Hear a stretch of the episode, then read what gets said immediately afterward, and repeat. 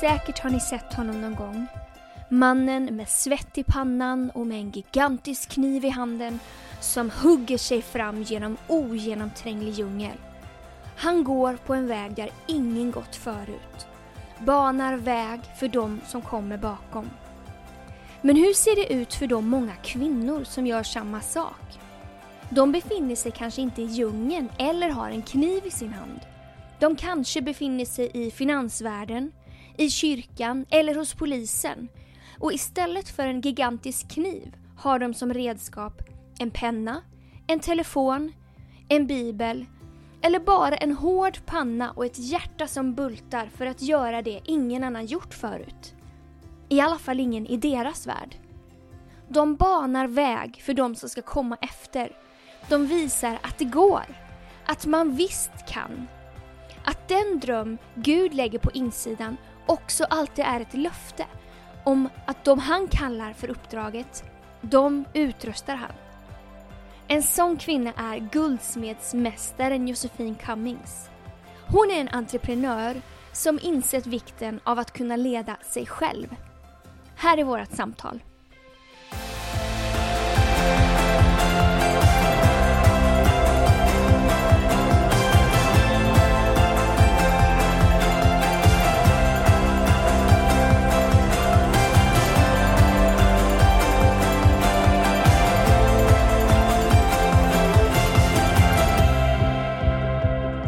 Välkommen till Josefin Cummings eh, till Sisterhood-podden Leadership Edition. Tack så mycket! Vad kul att du är här idag. Jättekul att få vara här. Du är ju en entreprenör, eh, verkligen ut i fingerspetsarna.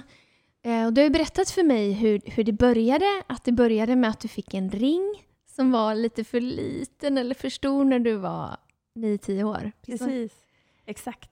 När jag var nio år så fick jag en födelsedagspresent av mina föräldrar att eh, få en ring helt enkelt. Och den var, passade inte i storlek, så vi gick tillbaka till guldsmedsaffären och där inne föddes liksom min dröm att jag ville bli guldsmed. Eh, jag såg alla vackra saker där och bara, ja, det bara landade i mig. Det är det här jag ska göra. När du var nio år. När jag var nio år. Eh, och sen så gick du eh, gymnasiet och, och blev guldsmed då. Precis. Så jag gick gymnasiet och sen även ett påbyggnadsår, så fyra år totalt. Och sen eh, så var jag färdigutbildad guldsmed. Då. Ja. Då tänker jag, då, det är ju väldigt praktiskt och liksom ett hantverke, verkligen. Ehm, tänkte du då att du, liksom, att du skulle bli egen företagare och att den delen skulle vara så stor del av ditt liv? ja, jag hade faktiskt den känslan redan eh, som barn, liksom, att jag trodde att jag nog skulle starta någonting eget. Liksom.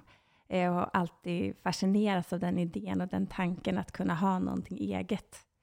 Ehm, ja, men sen så förstod jag nog inte hur stor del det skulle bli och hur mycket det skulle påverka mitt liv att liksom välja det, det spåret, eller vad man ska säga. Mm. Hur ser ditt liv ut nu då, om vi spolar fram tills idag? Eh, ja. Idag så har jag ju ett eh, guldsmedsföretag då, eh, som jag startade ganska tidigt. Jag var redan, eller redan när jag var 20 år startade jag eget. Eh, så det har jag byggt nu i 20 år, eh, det här företaget. Eh, men sen har jag även gift mig med Daniel som också är entreprenör, så vi har ju startat många andra bolag också. Så totalt har vi startat fem olika företag. Så under de här åren har jag varit mer eller mindre, engagerad även i andra företag. Liksom. Men jag älskar ju den livsstilen att vara entreprenör, liksom, att se företag växa. Hur ser din vardag ut idag? Min vardag idag är ju att jag jobbar heltid med eh, mitt varumärke då, Josefin Cummings och jobbar med smycken, mest vigsel och förlovningsringar, men även andra smycken. Det är det jag gör mest. Men sen är jag ju ändå ägare av de andra bolagen, så jag har ju lite, lite trådar i dem också. Men Ja. det jag lägger mest tid på är ju Josefin Cummings. Vad är det för sorts bolag ni har startat?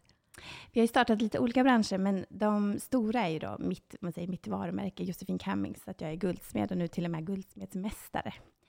Eh, och sen är det Älgen, heter det, och det är att vi säljer sängar och sovrumsinredning och eh, allt som tillhör sängar och sovrum. Eh, så vi har en butik på Karlavägen och även en webbshop. Eh. Och så har ni några andra också. Och sen har vi ett företag med fastigheter. Eh, och sen startade vi en sängbutik eh, till som låg i Bromma, men den är såld. Eh, och sen startade vi även ett klädmärke faktiskt för några år sedan. Eh, men det ligger också lite vilande, så det har vi lite Daniels musikproduktion. Så ja, det är några olika företag, men de stora är ju Elgen och eh, mitt varumärke då, Josefin Cummings.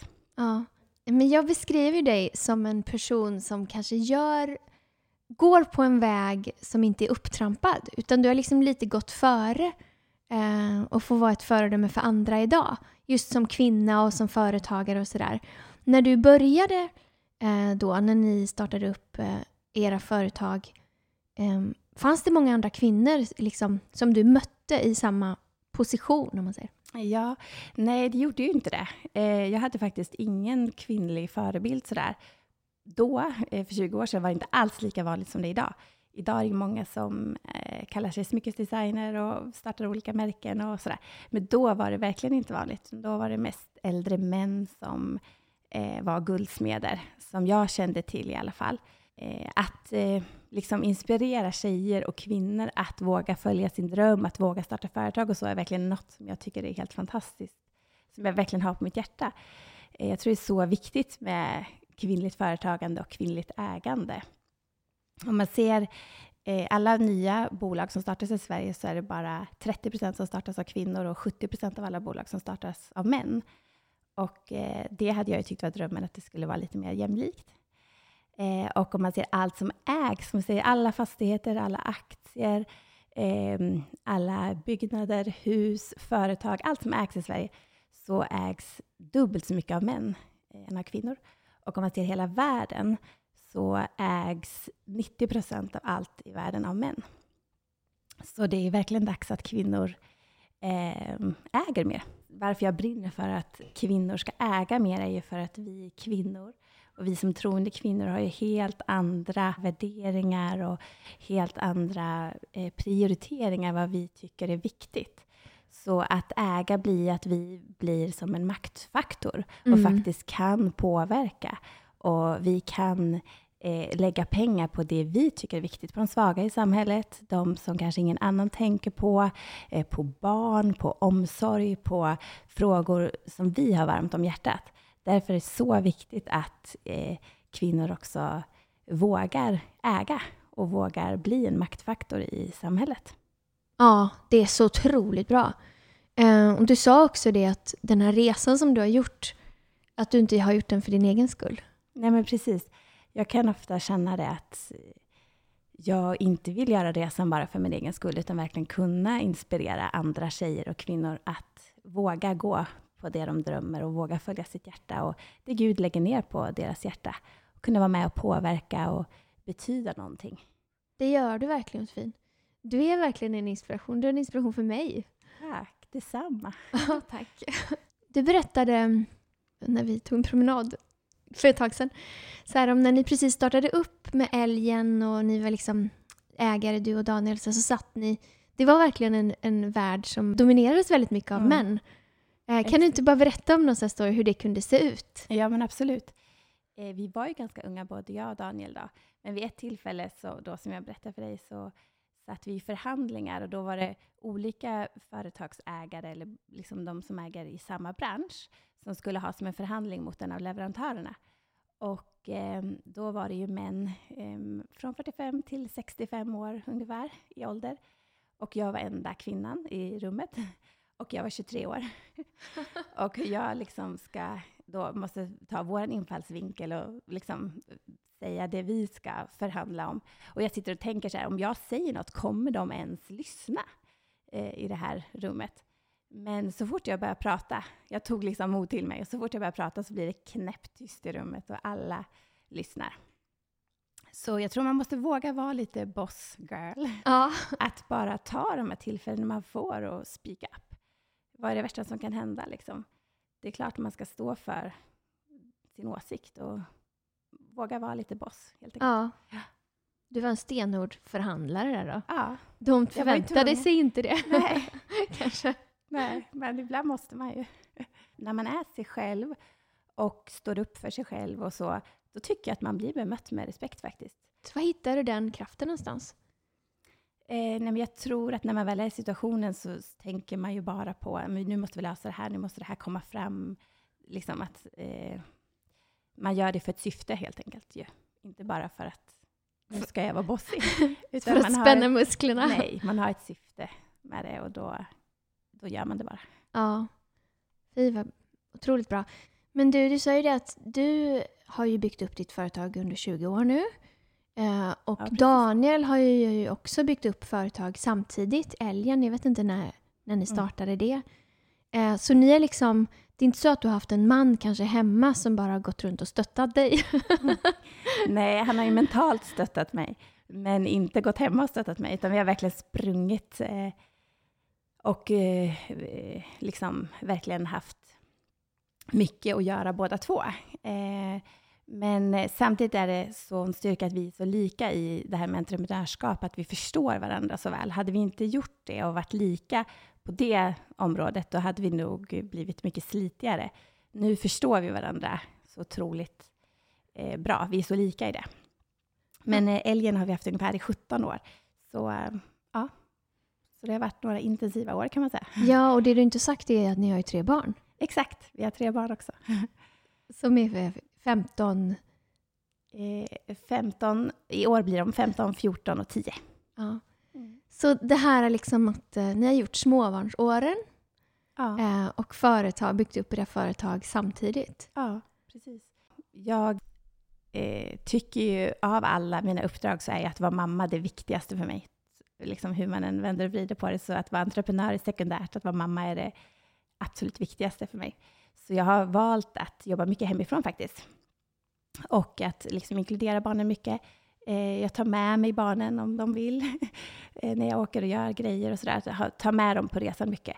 Men eh, att min prioritering är ändå barnen först. Hur, hur såg det ut rent praktiskt då, när du hade riktigt små barn? När det var små barn så gäller det ju på något sätt att alltid ta en dag i taget och lösa en sak i taget. Så äh, även om man har små barn så funkar det bra om man kan jobba hemifrån, att man kan svara på mejl när de sover eller man kan jobba när de sover helt enkelt. Och eh, även om man säger, eh, man får det att funka helt enkelt, att man kan kombinera att vara mamma och jobba lite när det, när det passar så att säga. Men att man hela tiden inte stressar upp sig utan man tar en sak i taget. Och det är lite så jag gör även idag. Att försöka att inte stressa upp mig för saker, utan ta en uppgift i taget. Man löser det här nu, så löser jag nästa sen. Än att man har tio saker på gång samtidigt, utan det är en lite av min, eh, hur jag jobbar. En sak i taget. Vad har du för arbetstider? Eh, nu har jag hyfsat okej okay arbetstider, men det har inte alltid varit balans. Eh, och det är väl en av de sakerna jag har fått jobba mycket med, att att eh, prioritera mig själv och kanske ha lite mer balans. Eh, men när man har väldigt mycket driv, att man vill hela tiden utvecklas, man vill framåt, man vill se någonting växa och man ser hur man ska få det att växa, då är drivet så starkt så det kanske går ut över att man jobbar för mycket, jobbar för hårt. Så arbetstiderna har ju varit för, för långa dagar och ibland nätter också. Mm. Ja, jag vet att ett tag, jag vet inte om det var när Zoe var liten, din yngsta, mm. som du, dina, din arbetsdag började ibland på natten, ja, på kvällen. Exakt. I alla fall andra passet. Ett pass på dagen och sen börjar andra passet på natten. Men så är det inte längre? Så är det inte längre. Det behövs inte längre. Det är en sån uppoffring man har fått göra för att eh, få allting att funka, helt enkelt. Mm, på tal om uppoffringar, alltså vad, vad finns det för andra saker som du har fått offra för ja. att kunna liksom komma dit där du är idag? Ja, det är så svårt att svara på för att det är på något sätt som en livsstil. Så man har ju egentligen offrat allt som andra anser normalt eller man har rätt till. Till exempel fyra veckors semester eller fem veckors semester. Det är inget självklart man kan ta när man är egenföretagare. Allt som liksom andra, eller en vanlig arbetsdag, att man slutar efter åtta timmar eller så. Alla sådana normala saker som andra personer tänker är normalt, allt sånt offrar man ju. Men sen är det ju även att man offrar kanske att inte kolla på serier på Netflix. Man kan inte ha tid att sitta i soffan. Det är jättemycket saker man offrar. Så det blir som en hel livsstil. Så det är nästan svårt att svara på vad man offrar. För det är som, man offrar allt det vanliga, kan man nästan mm. säga, till något annat. Liksom. Ja, men precis. Du väljer, ni, ni väljer någonting. Och då ja. för att det, ni väljer liksom en viss väg så väljer man automatiskt bort andra saker. Precis. Och sen vill jag tillägga att det är såklart säsonger. Så vissa säsonger kanske man måste jobba en hel sommar och inte kan ta någon semester. Men sen kommer en annan säsong när man faktiskt kan ta sex veckors semester och man har andra som täcker upp för en. Man har människor i sitt team som helt plötsligt kan bära. Eh, så allt är i säsonger, så det är inte så att man behöver leva så här för evigt. Men att man ändå är beredd att under en period kanske eh, göra uppoffringar för det man drömmer om. Har det varit värt det? Ja, jag tycker det. Absolut. Eh, ja, det tycker jag. Mm, jag kommer ihåg när vi startade kyrkan. Det är ju lite som att starta ett företag, eh, för man gör ju det också, liksom starta en organisation Exakt. och vara egen företagare. Så. Mm. Vi hade ju heller inte semester på väldigt många år Exakt. sen vi startade det. Ja, det men, är ju väldigt likt. Liksom. Mm. Ja, men det är ju det är som du säger, man väljer ett liv och mm. sen så, så kan andra kanske tycka det är konstigt eller mm. så. Men, eh, men sen var det ju rätt härligt när vi väl kunde ta semester, måste ja, jag säga. Exakt. Men ni har inte heller, eh, jag tänker på ert eget liv och sådär. Ägnar du dig mycket åt trädgårdsarbete? Mm. Nej, jag gör ju inte det. Eh, nej, men det, det blir ju så när man jobbar mycket så får ju sådana fritidssysselsättningar liksom backa lite. Så jag kan tänka mig att jag tyck, skulle tycka det var mysigt. Men eh, jag har inte kommit in i den fasen än i alla fall. Det kommer en, ja, det kommer en annan ålder. säsong. ja, du, väl, du älskar ju blommor. Ja, jag älskar blommor.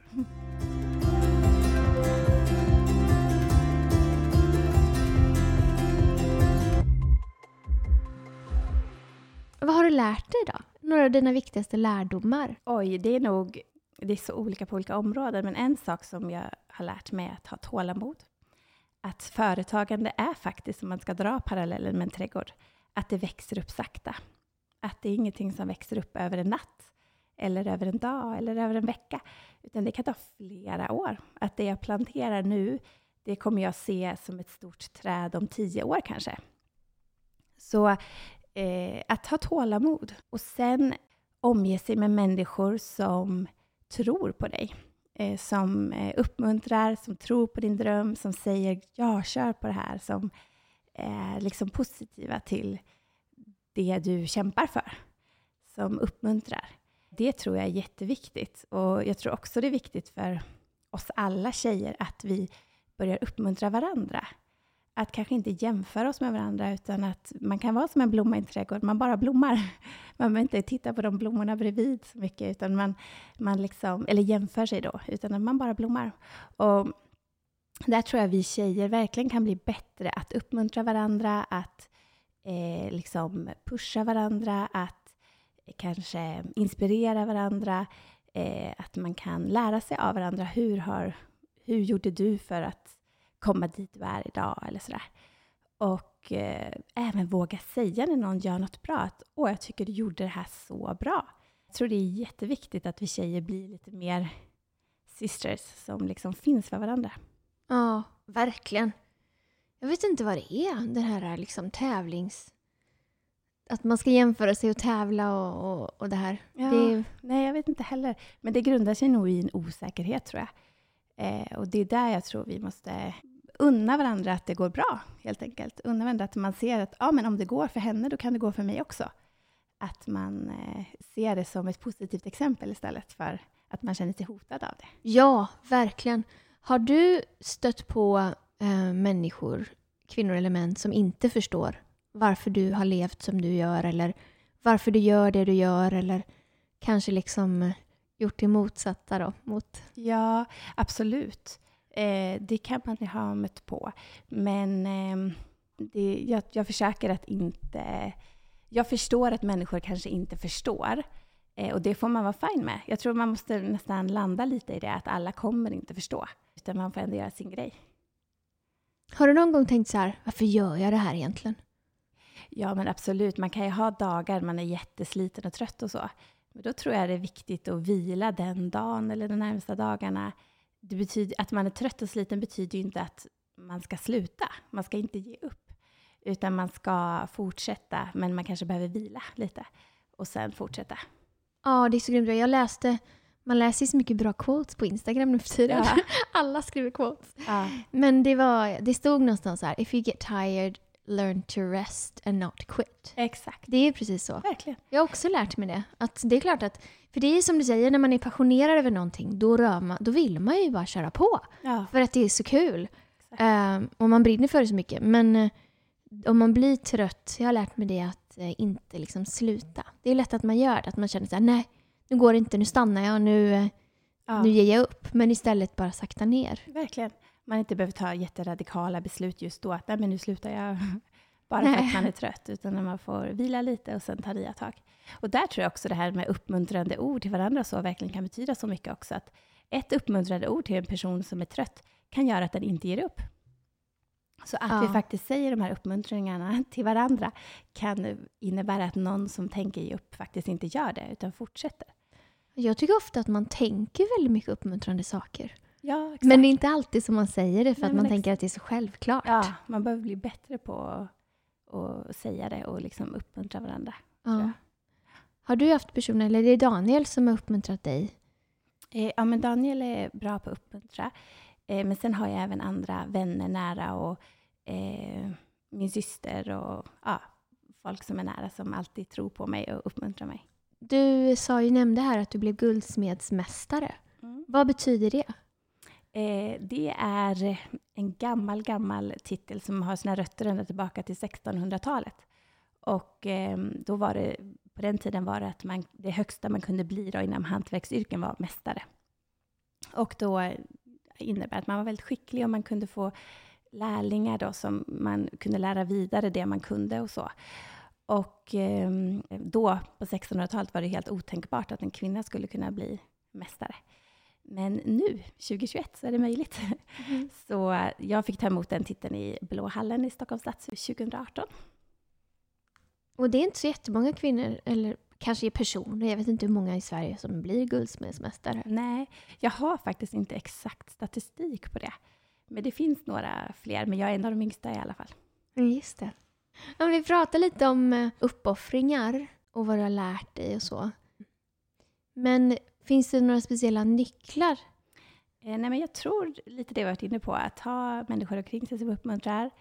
Och eh, jo, men några nycklar, förutom de vi redan har varit inne på, så tänker jag att eh, man måste vara beredd att jobba hårt. Eh, något jag och Daniel brukar säga till varandra är att det är en procent inspiration och 99 procent svett. Ja, det är så sant. Det som ligger bakom att lyckas är hårt jobb. Ja, Att man kan ofta tro att det är bara inspiration, det är bara roligt, det är bara kul, man får feeling. Så är det inte, det är hårt jobb som ligger bakom. eller typ att det är talang. Ja, Ja, du är så duktig eller du är liksom Precis. så smart eller... men så är det inte. Det ska jag nästan säga att det är en procent talang och 99 procent hårt jobb också faktiskt. Ja, Och sen en nyckel som jag tycker har liksom öppnat upp mycket för mig är generositet. Lite som vi var inne på, man kan vara generös med vänliga ord, man kan vara generös, i mitt fall i vårt företagande försöker vi vara otroligt generösa mot våra kunder, ge en excellensservice, alla ska känna sig omhändertagna. Man kan vara generös på så många olika sätt. det är ju helt emot vad världen, alltså hur, man, hur det talar. För om man tänker så här då, jag vill ha en bra karriär, eller liksom jag vill komma någonstans.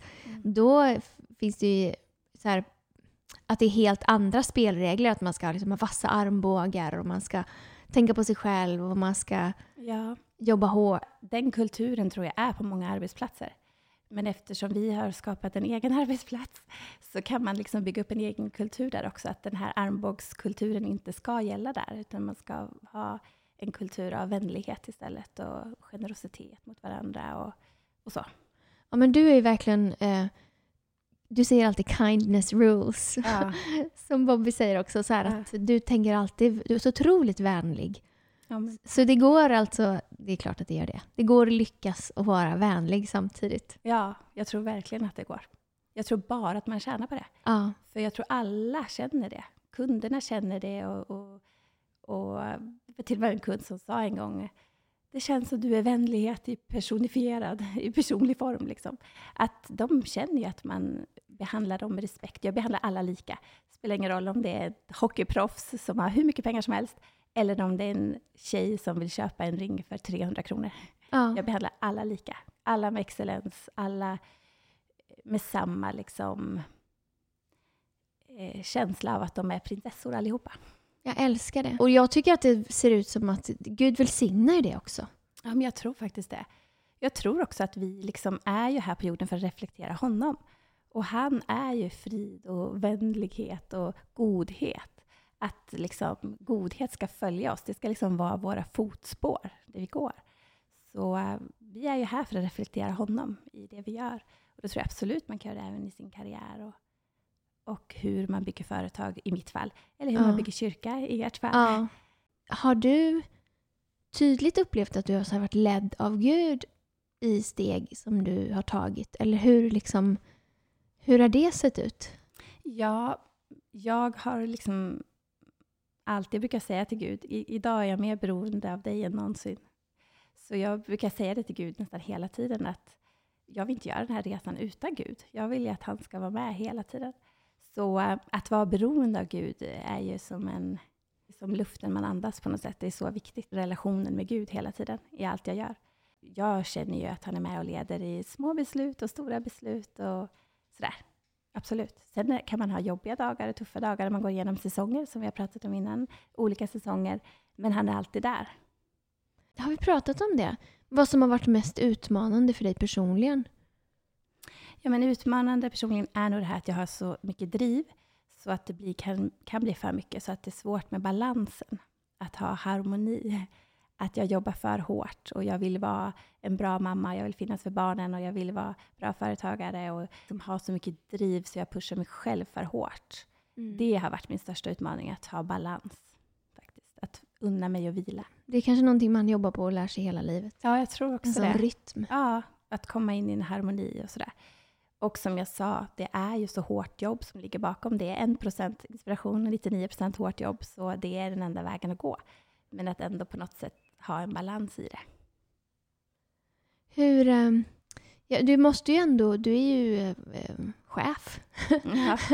och egenföretagare, så du måste ju ta tuffa beslut ibland. Mm. Uh, och sen samtidigt liksom vara vänlig och kindness rules. Mm. Um, tycker du att det är svårt, den kombinationen? Ja, men det, är, det kan vara svårt. Men eh, då låter jag kindness rules-regeln ligga först. Det är överst liksom. Kindness rules först.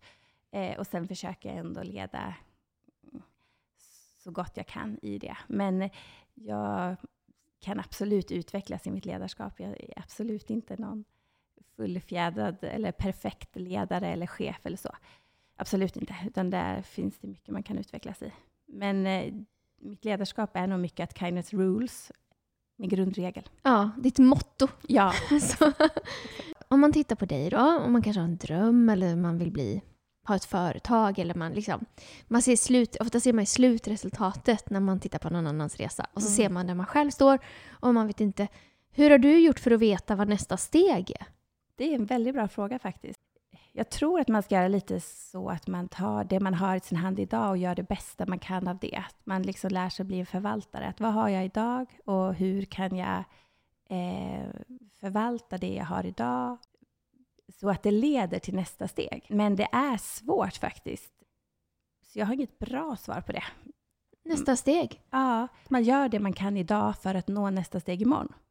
Ja, men du, det är faktiskt... Jag, jag skulle göra exakt samma reflektion. Att vissa saker eller en dröm kan vara som ett stort berg. Och man kanske knappt vågar börja gå för att det känns så stort och tänka om man inte lyckas. Exakt. Men precis så har det varit för mig också. Det finns alltid ett nästa steg och jag behöver inte veta eh, alla steg. Nej men precis. Man ser bara en liten bit fram. Liksom. Ja, och det är okej. Okay. Det är okej. Okay. Mm. Och ibland tror jag att Gud liksom, han, han gör så för att vi ska vara beroende av honom, verkligen, som du sa. Verkligen. Att det funkar så, att man mm. bara fokus på nästa steg. Mm. Finns det något du ångrar när det kommer till den här resan? Liksom?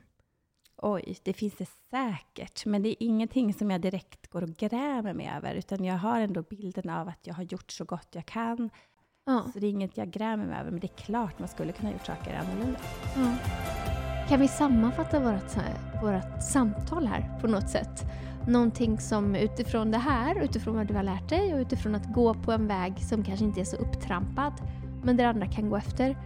Jobba hårt är en punkt, eh, att man bara har inställningen att Eh, man kommer inte så långt på inspiration eller på känslor, utan det, det är en start, det är en procent. Men sen är det hårt jobb som gäller. Det tycker jag är rätt skönt ändå. Alltså Ja. det är klart att det är jobbigt att det är hårt jobb men det betyder att om man bara är, är, är, är beredd att jobba hårt Mm. så behöver man inte fundera så mycket över om man är så kapabel eller så begåvad eller så inspirerad utan Exakt. det är ändå goda nyheter. Ja, Vem som helst kan jobba befriande, hårt. Det kräver ju ingenting mer än Exakt. bara Exakt. liksom... Exakt. ja. Eh, och sen en nyckel tycker jag ju då är ju generositet. Eh, att vara generös på så många områden man kan i livet. Eh, och även uppmuntra andra. Vi tjejer behöver bli bättre på att uppmuntra varandra. ja. Följa sina drömmar och göra det man har på sitt hjärta. ja. Fortsätt skina. Fortsätt skina.